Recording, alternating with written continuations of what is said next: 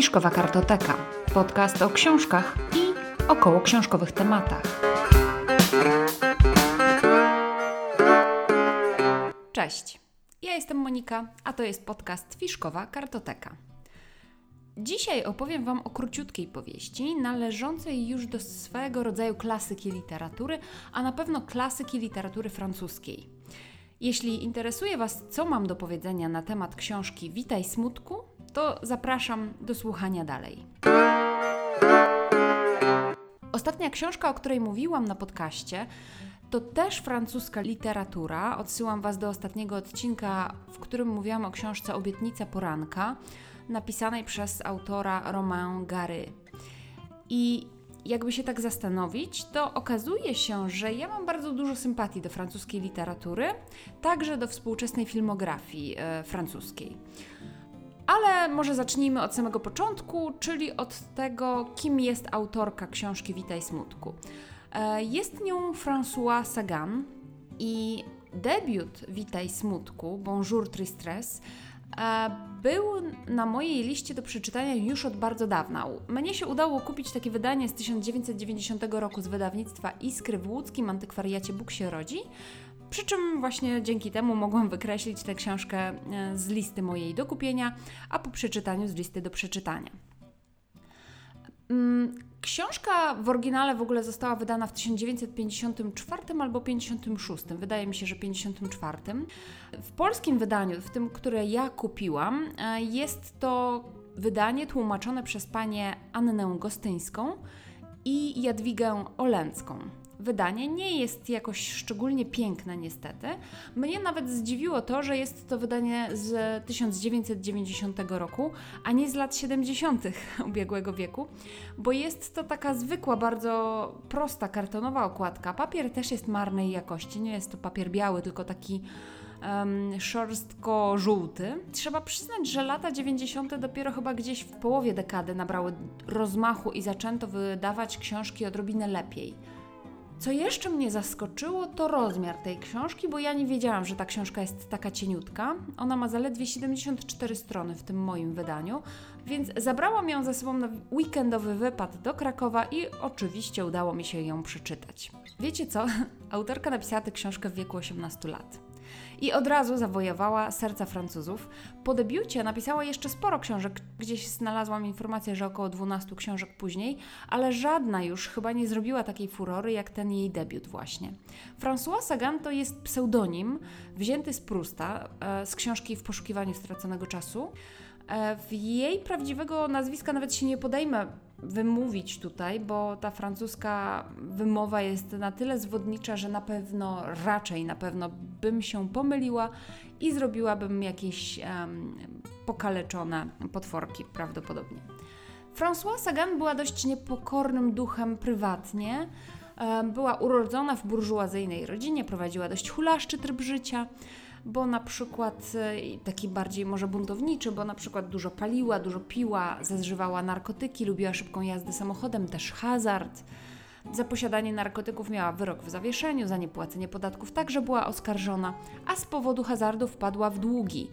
Z kolei szybka jazda samochodem doprowadziła do bardzo poważnego wypadku, w którym niemal nie zginęła w 1957 roku.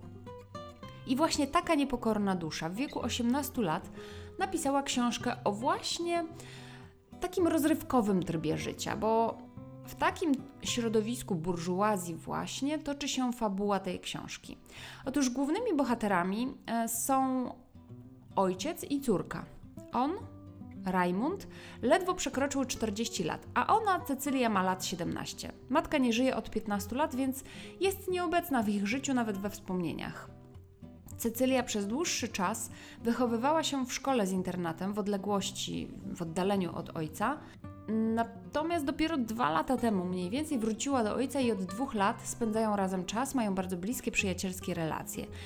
Teraz są wakacje i ojciec wynajął willę na całe wakacje, na całe dwa miesiące na Rivierze francuskiej na całe lato, tak jak powiedziałam, i spędzają czas właściwie w trójkę, czyli on, Cecylia oraz najnowsza kochanka ojca, Elza. Najnowsza, bo ojciec e, dość często zmienia kochanki, bawi się bardzo dobrze i jest właśnie takim też rozrywkowym typem.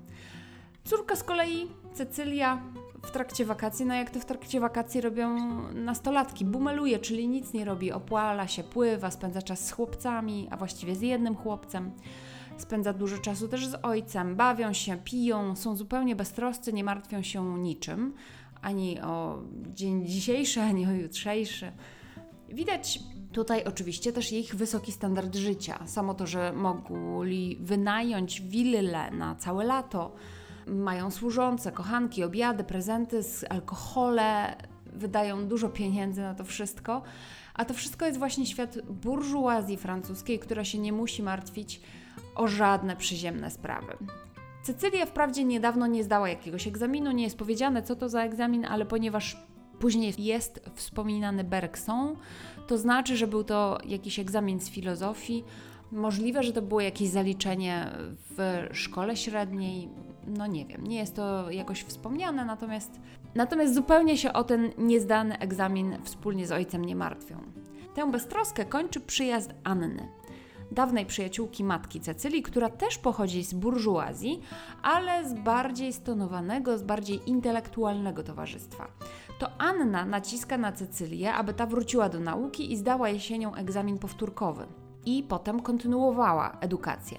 Wprowadza w życie ojca i nastolatki więcej organizacji, stonowania, manier, spokoju.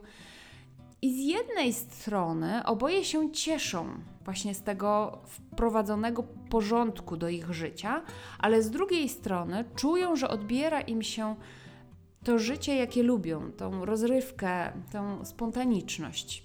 Z czasem jednak Anna zdobywa ich serce, ich o, serca obojga, Raimund y, zrywa z dotychczasową kochanką i oświadcza się Annie, a Cecylia zaczyna się uczyć i cieszy się ze szczęścia ojca, a także z perspektywy spokojniejszego, późniejszego życia w Paryżu po wakacjach. Mają jednak oboje pewne wątpliwości, chociaż tutaj główny nacisk położony jest na wewnętrzne rozterki właśnie Cecylii, bo to z jej perspektywy jest prowadzona narracja, więc to raczej ona ma wątpliwości.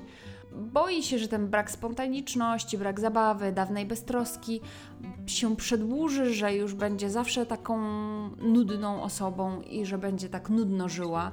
Cecylia zaczyna więc knuć pewną intrygę.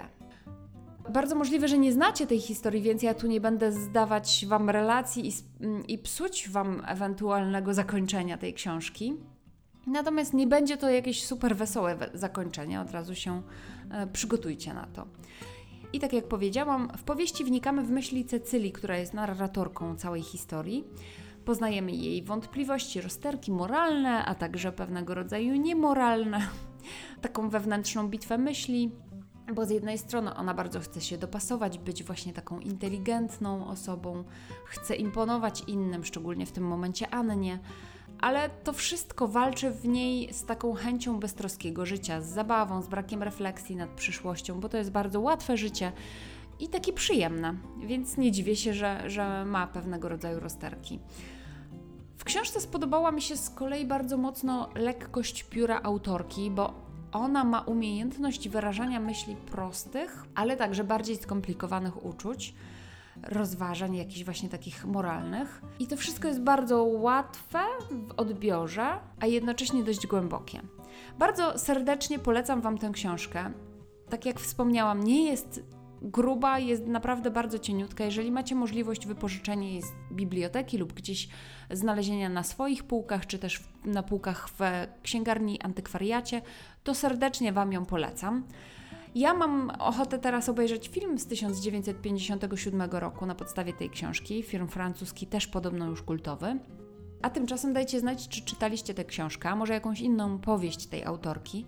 No i jeśli tak, to jak Wam się podobały? Tymczasem ja dziękuję za wysłuchanie tego odcinka. Jeśli odcinek Wam się podobał, to ja zachęcam do subskrypcji. W ten sposób żaden kolejny odcinek Was nie ominie. Jeśli macie ochotę na dodatkowy kontakt ze mną, to zapraszam na Instagram lub na Facebooka, gdzie znajdziecie mnie pod nazwą Fiszkowa Kartoteka.